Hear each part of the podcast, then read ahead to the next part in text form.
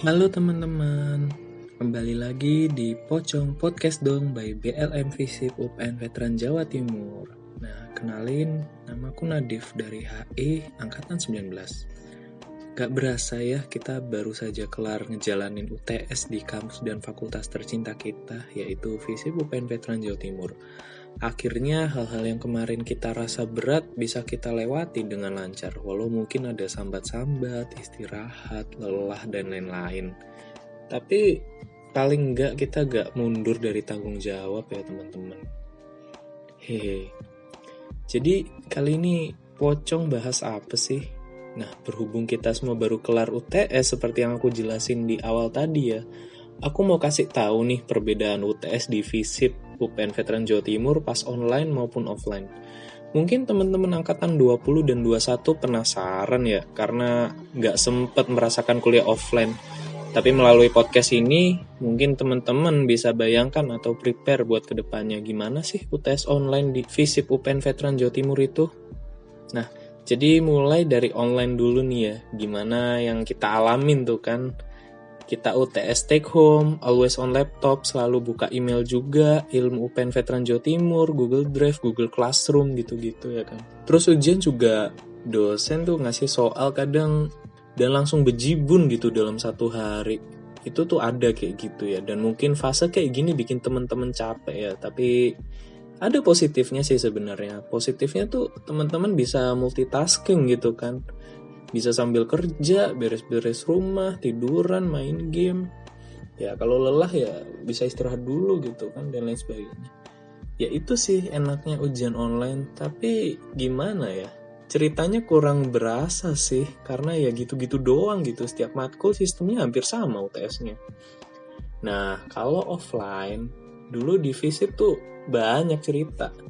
Pas ujian offline dulu, tuh dosen-dosen ngadain UTS-nya serentak sesuai jadwal gitu. Kadang ujiannya tuh bisa pakai soal fotokopian dari dosen atau kita beli folio sendiri. Nah, pas masalah folio ini aku dulu sempet beberapa kali nih lupa bawa folio. Akhirnya minta temen gitu kan. Syukur-syukur temen kalau punya folionya. Tapi kalaupun lupa sebelum ujian, folionya sih nggak usah khawatir. Di kantin UPN atau di UPN Mart itu ada kok jual folio Terus juga aturan UTS di UPN tuh ada seragamnya. Ya, harus pakai kemeja putih atau batik gitu, seingatku kalau hari Kamis. Lalu celana hitam juga gitu, ya sepatu sih bebas kayaknya ya, seingatku. Aku sendiri juga punya pengalaman telat pas UTS dulu gitu kan, mana sama dosen killer lagi. Berdua sama temen tapi untungnya telatnya, jadi nggak sendiri. Dan untungnya lagi, kita masih boleh masuk walau telat sejam tapi ya gitu deh dapat posisi kursi yang nggak enak di depan dosennya gitu. Wah pokok banyak deh pengalamannya. Terus dulu tuh yang paling berkesan sih pas UTS matkul bahasa Inggris semester 2 di mana kita tuh suruh bikin short movie.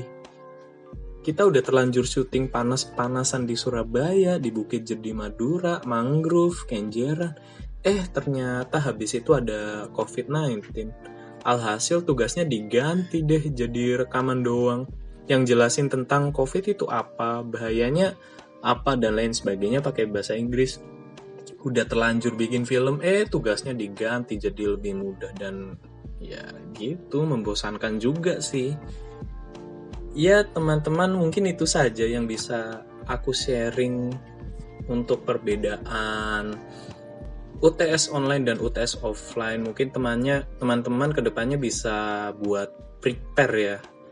Nanti gimana sih UTS offline di UPN itu biar nggak kaget gitu kan. Terutama teman-teman yang 20 dan 21 nih yang belum pernah merasakan. Oke aku Nadif pamit undur diri. Assalamualaikum warahmatullahi wabarakatuh. See you guys